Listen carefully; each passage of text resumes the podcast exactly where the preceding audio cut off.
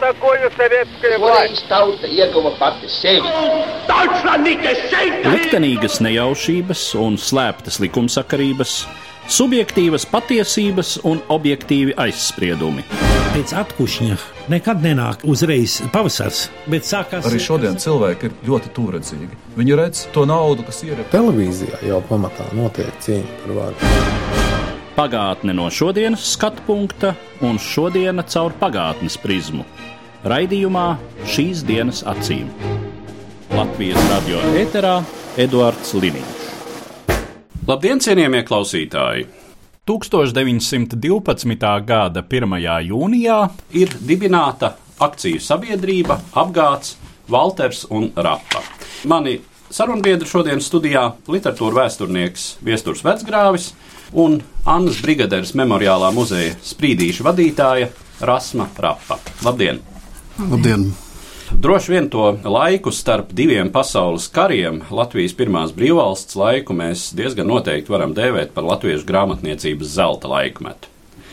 Nebūs gluži pareizi teikt, ka tā laika grāmatniecība balstījās uz trīs valzivīm, bet varbūt tie trīs lielie vārdi, tie trīs apgādi, ko mēs redzam Latvijas grāmatniecībā jau brīvvalstī dibinoties 20. gadu pašā sākumā, tie ir Jāņa Rozes apgāds, Anša Gulbja apgāds un apgāds Walters un Rapa. Vēlāk pievienojas grāmatu draugs, Zelta Ābele. Un zīmīgi arī šīs trīs izdevniecības ir tapušas laikā no 20. gadsimta sākuma līdz Pirmajam pasaules karam. Pirmais ir Ansis Gulbis, kas sāk savu izdevēju darbību ap 5. gadu, un tad jau 11. gados, tātad Walters un Rapa 12. gads. Jānis Roze, Pirmā pasaules kara pašā priekšvakarā uzsāka savu izdevēju darbību. Droši vien tas jautājums pirmām kārtām viesturam, kas noteica to situāciju, kā latviešu lasītājs, latviešu sabiedrība varēja jau šai laikā nodrošināt savu izdošanas biznesu, un ka tur parādījās šie vēlāk ļoti nozīmīgie apgādi. Jā, man liekas, tas jautājums ir e, ļoti produktīvs, jo tas laiks, 11., 12., 13. gads, 14. gada pirmā pusē, vispār latviešiem ir tādas saimnieciskas uzņēmības, saimnieciska uzplaukuma laikmets. Ja mēs paskatāmies kaut vai uz Rīgas arhitektūru, ja mēs paskatāmies, kā latvieši iekaro ar vien vairāk vietu dažādās rūpniecības nozarēs, tad man liekas, ka Valterā un Rapas parādīšanās 12 tajā gadā ir likumsakarība. Jo skaidrs, ka bija blakus Ansim Gulbim jānāk kādam tikpat rosīgam, tikpat uzņēmīgam cilvēkam, šī gadījumā diviem cilvēkiem, kas domātu, kā paplašināt latviešu grāmatu tirgu, kā veidot jauno latviešu grāmatniecību, šo nacionālo pašapziņu arī kā tādu būtisku faktoru mēs nedrīkstētu aizmirst. Un kas man ļoti patīk Valtera un Rapas pirmsākumos 12. gadā, ka Valters un Rapā nemēģina vieni paši vilkt šo lielo vezumu. Viņi ļoti labi saprot, ka jāizveido ir plašs interesantu loks. Šajā plašajā interesantu lokā ir vairāk nekā desmit cilvēki, kas piedalās šīs komandītas sabiedrības veidošanā, un ļoti būtiski vārdi un uzvārdi. Labi, nerunāsim, teiksim, par Jāni Brigaderu, kurš ir rapam tūs cilvēks, bet šajā komandītas sabiedrībā tiek iesaistīts patiešām gudrs atzējotājs, gudrs valodnieks, skolotājs Fricis Adamovičs. Tālāk tiek iesaistīts cilvēks, kuru daudzi uzskatīja, ja viņš nebūtu miris Pirmā pasaules kara laikā, tad viņš varbūt būtu bijis pirmais Latvijas prezidents Vilis Olavs. Tālāk tiek iesaistīts pats sirmais Krišjānis Barons un ar savu dēlu, toreiz jau prestīžu mediķi Kārli Baronu un viņa kundzi. Un vēl ļoti būtisks cilvēks šajā komandītas sabiedrībā ir vēlākais Rēriha biedrības viens no vadītājiem Feliks Lūkins, arī Ivan Dekaija, viņa dzīves biedre. Un to, kā šo cilvēku izvēle ir ļoti respektabla un tai pašā laikā pārliecības pilna, apdomības pilna, liecina jau tas fakts, ka gadu vēlāk Valterā un Rapas grāmatnīca ir lielākā Latvijā. Tas ir gandrīz neiedomājami. Un vēl viens tāds ļoti būtisks faktors. Tad, kad 15. gadā sākas bēgļu kustība, man liekas, ka Rapas un Valtera kungi šajā brīdī izjūt arī to tautas garu. Viņi saprot, ka Latvijas teritorijā vairs nav iespējams izdot bez cenzūras grāmatas un aizvirza šo izdevēju darbību uz Maskavu un izdot kaut vai tādu ļoti prestīžu grāmatiņu kā Latvijas strēlnieks, kuru veido Kārlis Skalbe piedalās aktīvi latviešu grāmatniecības rosināšanā Maskavā un nebaidās tur ieguldīt savus līdzekļus. Gatavoties šim raidījumam, es tikko rūpīgi pārlasīju dažādas atmiņas par Jāni Rapu, un mani ļoti suģestēja viena frāze, ko Vācu okupācijas laikā 42. gadā ir minējis Jānis Grīns, kurš kopā ar Jāni Rapu ir nostrādājis 12 gadus, ka Rapa apzināti un apsvērti vienoja savā personā praktiķi un ideālistu.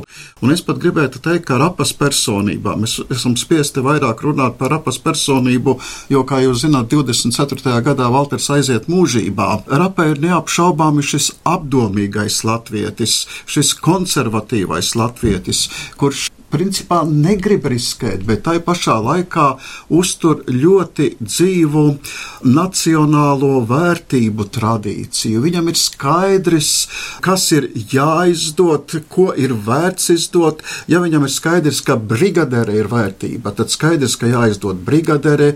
Ja jauns drabiņš ir vērtība, tad ir jāizdod jauns drabiņš, un tā piesardzība, kas viņam sākotnējos un arī 20. un 30. gados ir pret jaunajiem, tā ir tādā racionāli domājuša cilvēka piesardzībā. Es biju pārsteigts, ka Jānis Sudrabkalns visu mūžu ar tādu rūgtumu ir atcerējies, ka Rapa viņam ir Pirmā pasaules kara sākumā atteicis pirmās grāmatiņas izdošanu, un pēc tam Sudrabkalns ir juties tomēr Rapam pateicīgs. Par to, ka šī grāmatiņā nav iznākusi priekšlaikus, ka tā nav bijusi sasteigta. Citiem vārdiem šajā konservatīvismā, tādā nesteidzībā ir arī ļoti lieli plusi. Droši vien vēlreiz gribētos akcentēt, ka mēs varbūt arī Latvijas vēsturi skatot, mūsdienās maz pievēršam uzmanību tieši tam laikmetam, tieši šiem gadiem pirms Pirmā pasaules kara, kas ir viens atkal tāds klišejisks priekšstats, ka pēc piektā gada revolūcijas sagrāves, ka pēc tam iestājas atslābuma, panīkuma posms, Un tad pēkšņi nez no kurienes strēlnieki, nez no kurienes brīvās Latvijas ideja, bet tas ne nez no kurienes, jo tieši tie produktīvie gadi pirms Pirmā pasaules kara lielā mērā sagatavoja latviešu tautu, latviešu nāciju, lai tā būtu gatava savas valsts veidošanai. Un literatūrai, grāmatniecībai te bija izšķiroša nozīme. To gribētos likt pie sirds šodien ikvienam, kurš spriež par to, kāda nozīme literatūrai un kāda nozīme grāmatniecībai nācijas pastāvēšanā un valsts pastāvēšanā. Man patīk tā ideja, ko es esmu, protams, izlasījis, bet kas man liekas ļoti precīzā. Pēc piektā gada rodās apjautā, ka revolucionārā nacionālisma vietā jāliek kultūras un saimnieciskais nacionālisms. Un lūk, rapa ir viens no tiem, kas šajā kultūras un saimnieciskajā nacionālismā liek pamatus no 20. gadu Latvijai. Tā mēs varētu teikt. Man liekas, ka ļoti būtisks ir vēl arī tas fakts, ka pēc padomju piecu mēnešu laika 19. gadā, kad Valteram un Rapam uh, ir jāatsāk sava darbība. Faktiski viņi atrodas pie sasistas siles. Viņi ir zaudējuši visus savus ietaupījumus. Ja Ansim Gulbim bija saglabājusies rocība, viņš padomju laikā varēja izdot. Ja Roze nebija ieguldījis pārāk daudz savu naudiņu līdz Pirmā pasaules kara beigām savā uzņēmumā, tad Valtera un Rapas zaudējumi bija ļoti lieli, un tai pašā laikā es ļoti augstu vērtēju šo spītu. Mums jāsāk atkal no jauna. Un atkal ir tāds ļoti skaists fakts. 21. gadā Rapa krietni apsteidz Ansi Gulbi izdoto grāmatu skaita ziņā. Un vēl viens fakts, kas man liekas ļoti būtisks un ko ir pieminējis Kārlis Skalbe, ka Rapa ir bijis trešais labākais honorāru maksātājs.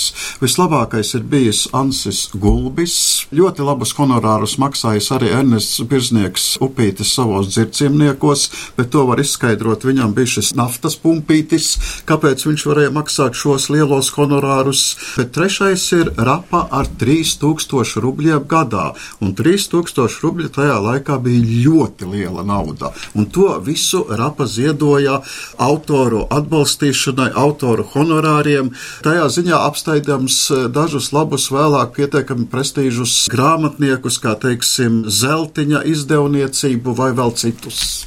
Starp citu, tāds jautājums, kas droši vien rodas klausītājiem šodien, jūs sakāt, jau to brīdi lielākā grāmatnīca Latvijā, vai tā atradās turpat, kur šodien ir grāmatnīca Valters un Rapa? Cik es esmu pētījis, tā turpat nav atradusies, bet jau otrajā desmitgadē tiek pieminēta teātra iela, Un tad, acīm redzot, ja tiek pieminēta teātra iela, man atliek secināt, nu, ka acīm redzot, tad tur jau ir bijusi grāmatnīca. Numuriņi ir mainījušies laika gaitā no 11. uz 9. numuriņu, bet ļoti interesanti ir tā lieta, ko Rapa ir pats iecerējis, kas bija arī padomju laikā, ka grāmatnīca ir jābūt ieja no divām ielām - no teātra ielas un no Aspazijas bulvāra puses. Tagad mēs šo Aspazijas bulvāra pusi esam zaudējuši zaudējuši. Rapam ir gribējies, lai cilvēks, kurš e, nonāk pie operas, skaisti var ieiet no Aspazijas bulvāra viņa grāmatnīcā. Vēl atceroties šo grāmatnīcu padomi laikā, tas bija ļoti loģiski, jo tad, ienākot pa vienām durvīm, jūs izgājāt pa otru pusi, izstaigājot visu loku. Grāmatnīca atradās visas šīs ēkas pirmajā stāvā un tiešām varēja ienākt Aspazijas bulvārī un iziet ārā pa tām durvīm, kas ir. Tā ir vaļņu iela. Šodien nezinu, vai diemžēl, bet šis veikals ir citādi iekārtots. Bet nu arī joprojām jāsaka, iespējams, ka lielākā grāmatnīca Latvijā. Tad nu, jājautā, no kurienes nāca šis uzņēmīgais, apdomīgais, bet tajā pašā laikā ļoti savā arodā entuziastiskais latvietis. Rapas dzimta nāk no zemgales, tāpat kā Anna Brigadere, un viņu dzīves un dzimšanas vietas ir gluži netālu, 3 km attālumā. Un šīs mājas ir ķipi, kas patreiz arī vēl darbojās kā grāmatniecības muzejs. Un Jānis Rapa nāk no turīgu saimnieku dzimtas, kur rosīgākā noteikti šai dzimtā ir māte, Un tēvs var būt tāda noslēgtāka un mierīgāka rakstura, bet abi ir iekopuši ļoti labas mājas. Zemgals līdzenumā. Kur... Zemgaliešu vēriens. Jā, tieši tā. Un Jānis Rapa jau savās atmiņās arī stāsta, ka jau mazs būdams viņš lasa grāmatas, un kā viņš saka, ka tuvāk apkārtnē nav neviena grāmata, kas nu nebūtu izlasīta turpat tuvā Tervetes skoliņus, kurien viņš iet, un turpat arī pazīstams dzimtas, gan brigaderi, pie kuriem iznāk kopā pavadīt laiku. Pēc tam ir Jelgavas Realskola un Politehniskais institūts, kurā Jānis Rapa pirmais laikam Latvijā iegūst komerc izglītību, un to viņš iegūst ar Citi saka zelta medaļa, citi saka pirmā šķirs diplomu. Es nezinu, vai tā ir tāda atšķirība, bet katrā ziņā viņam ir pamatīga izglītība jau, lai viņš nodarbotos ar to, ar ko viņš visu mūžu arī nodarbojās.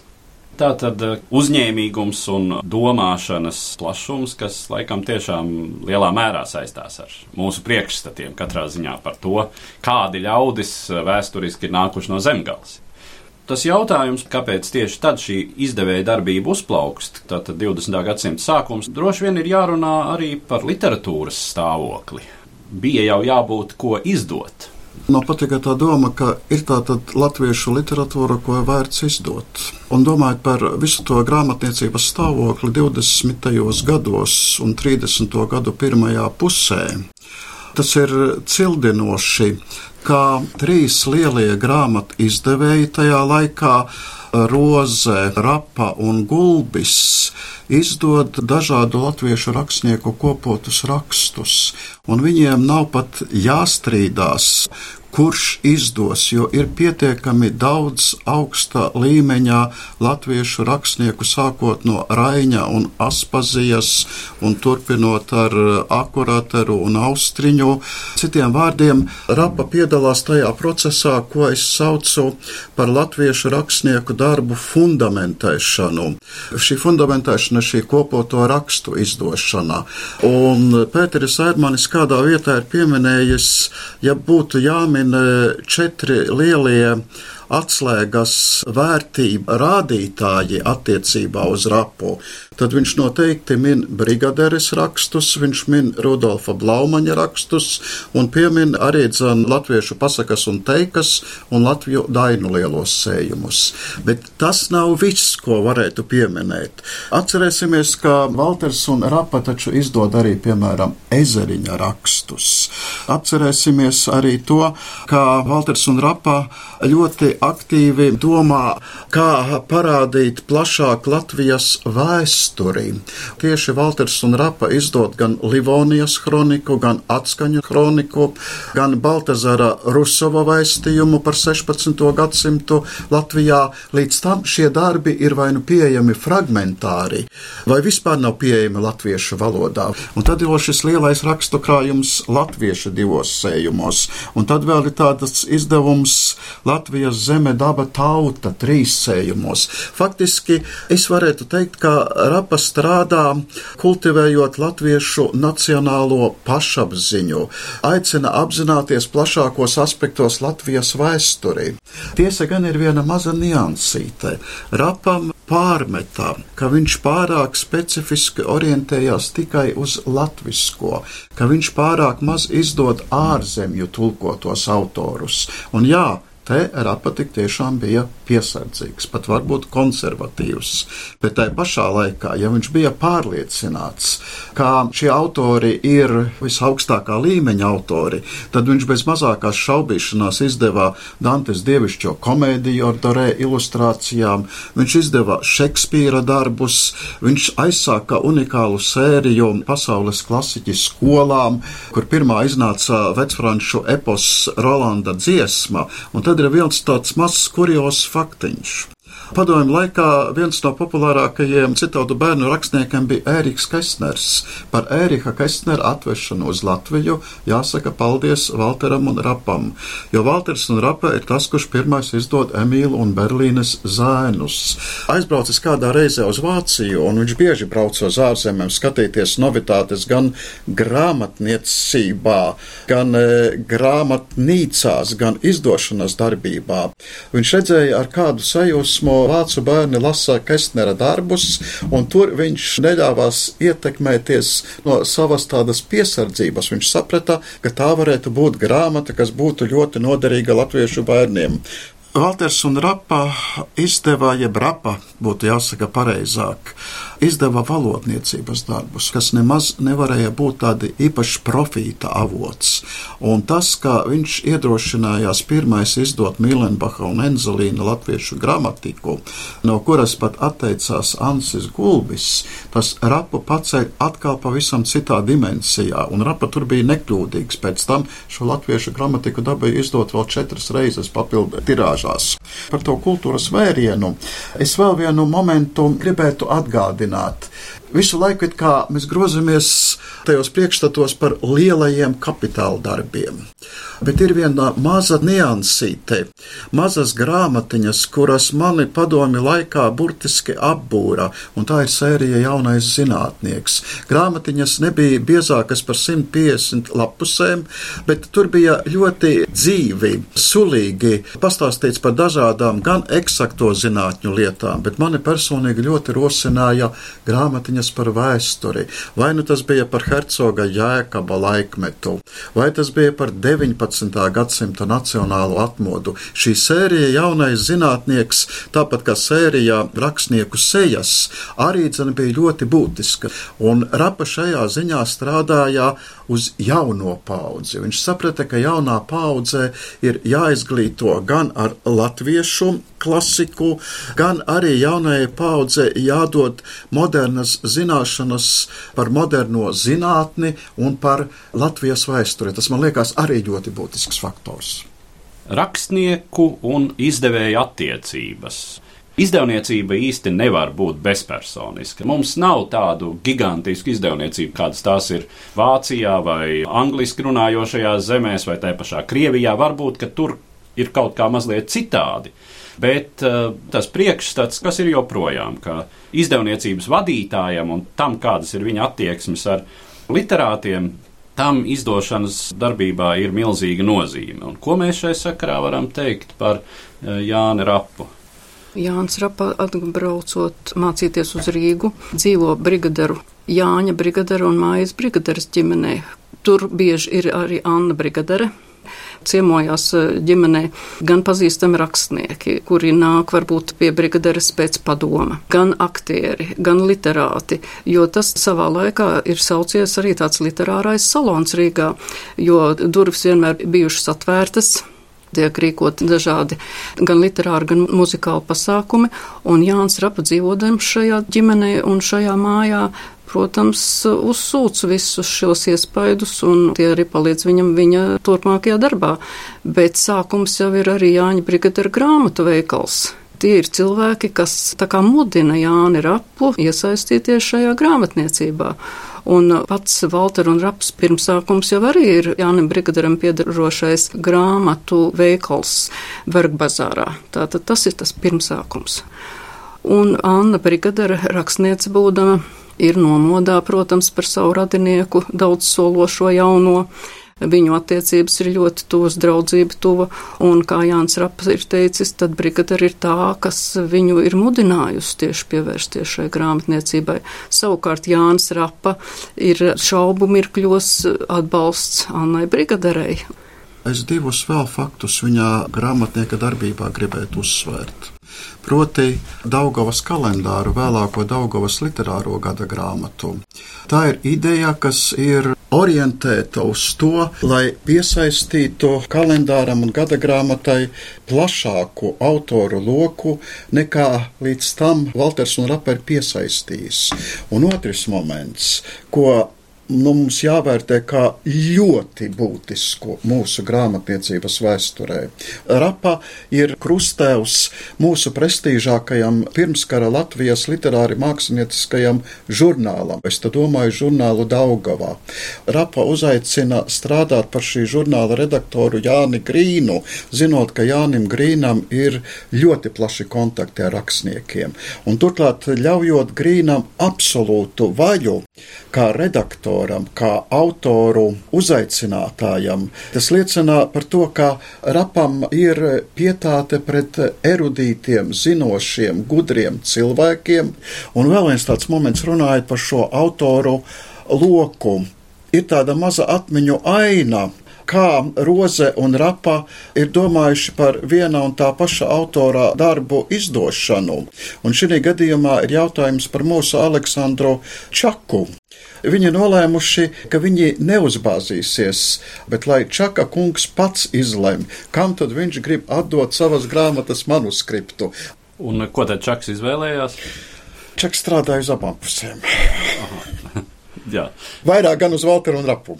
Grāmata tas ir arī vizuāls moments, un ja mēs runājam par tā laika valdošajām dizaina tendencēm, tad grāmatas ir paliekošākais, kas mums šodien vēst un liecina par to art deko stilu. Kāds bija Valtera un Rapas grāmatu ārējais veidols? Laikam te jāsaka, tā ir tā tendence, kas 20.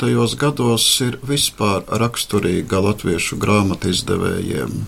Bet Rapas gadījumā jāteic, ka viņš arī prata izvēlēties labus vāku noformētājus - Ludolfu Libertu, Sigismundu Vidbergu, Konradu Ubānu. Tas viss ir likumsakarīgi. Bet vairāk mani suģestē kāds cits fakts Tad, kad 30. gadu vidū ienāk strauji jauna mākslinieku un e, rakstnieku paudze mūsu kultūrā, tad rapā ir viens no tiem, kas bez mazākās šaubīšanās uzaicina strādāt pie vāku noformējuma Anšlavu Eglīti, kurš skatās ar ļoti lielu interesi uz Valdemāru Toni Rapa uzskatīja, ka nedaudzajām tulkotajām citautu grāmatām ir jābūt klasiski ļoti talantīgas vai pat ģeniālas ilustrācijas. Nu, simts punkti precīzs strāpījums bija ar dievišķo komēdiju, kad Rapa izvēlējās Gistavā Dorē absolūti hrestomātiskās ilustrācijas grāmatām, kas bija vairāk orientētas uz zinātni. Rapā izvēlējās tādu lakoniskāku noformējumu, bet šajā noformējumā viņam bija ļoti svarīgi, lai būtu latviskā koda kaut kādas zīmes. Latvisko kodu, protams, ļoti precīzi varēja pateikt un izpaust Jūlijas Madernieks. 1925. gadā Rapa izdod Dombrovska latviešu mākslas vēsturi jeb Latvijas māksla. Un tad Rapa saprot vienu lietu. Latvijā poligrāfiskā tehnika vēl nav tik augstā līmenī. Viņš speciāli brauc uz Vāciju, viesojas vairākās Vācijas pilsētu tipogrāfijās, līdz atrod kvalitatīvi labāko. Tas ir Leipzigā, un šī 25. gada latviešu mākslas vēsture, varētu teikt, ir viena no poligrāfiski visperfektāk nostrādātākajiem darbiem. Rapa izdod 30. Eh, gados arī latviešu pasakas un teikas tādos, varētu teikt, tautas izdevumos. Un tur viņš arī piesaista ļoti labus māksliniekus, sākot no Apsīša, Tilberga, pēc tam Brencēna, un tur nekad netiek aicināti iesācēji vai tādi autori, kuri rada šaubas, lai izveidotu labu grāmatas noformējumu. Domāju, ka Niklaus Trunka vēl nav. Jā, tieši tā, jums ir absolūta taisnība. Bez Niklaus Trunklis nav vispār Valters un Rapa iedomājams. Niklaus Trunke un skalbes pasakas un tā tālāk, tur ļoti precīzi pateikts. Jā, gandrīz vai, ja man ir arī jādomā par priekšstatu, kas man ir izveidojies par pirmskara Latvijas grāmatniecību un tieši tā vizuālā noformējuma aspektā, tad laikam Niklaus Strunke ir etalona personība šai ziņā. Tuvinot mūsu sarunu noslēgumam, kas tad notika ar Valteru un Rapas uzņēmēju darbību un ar pašu Jāni Rapu. Beidzoties Latvijas pirmās neatkarības periodam, nu tā tad Latvijas aneksija, arī visu uzņēmumu nacionalizācija. Kāds ir paša Jāņa Rapas liktenis un kāds ir uzņēmuma tālākais liktenis?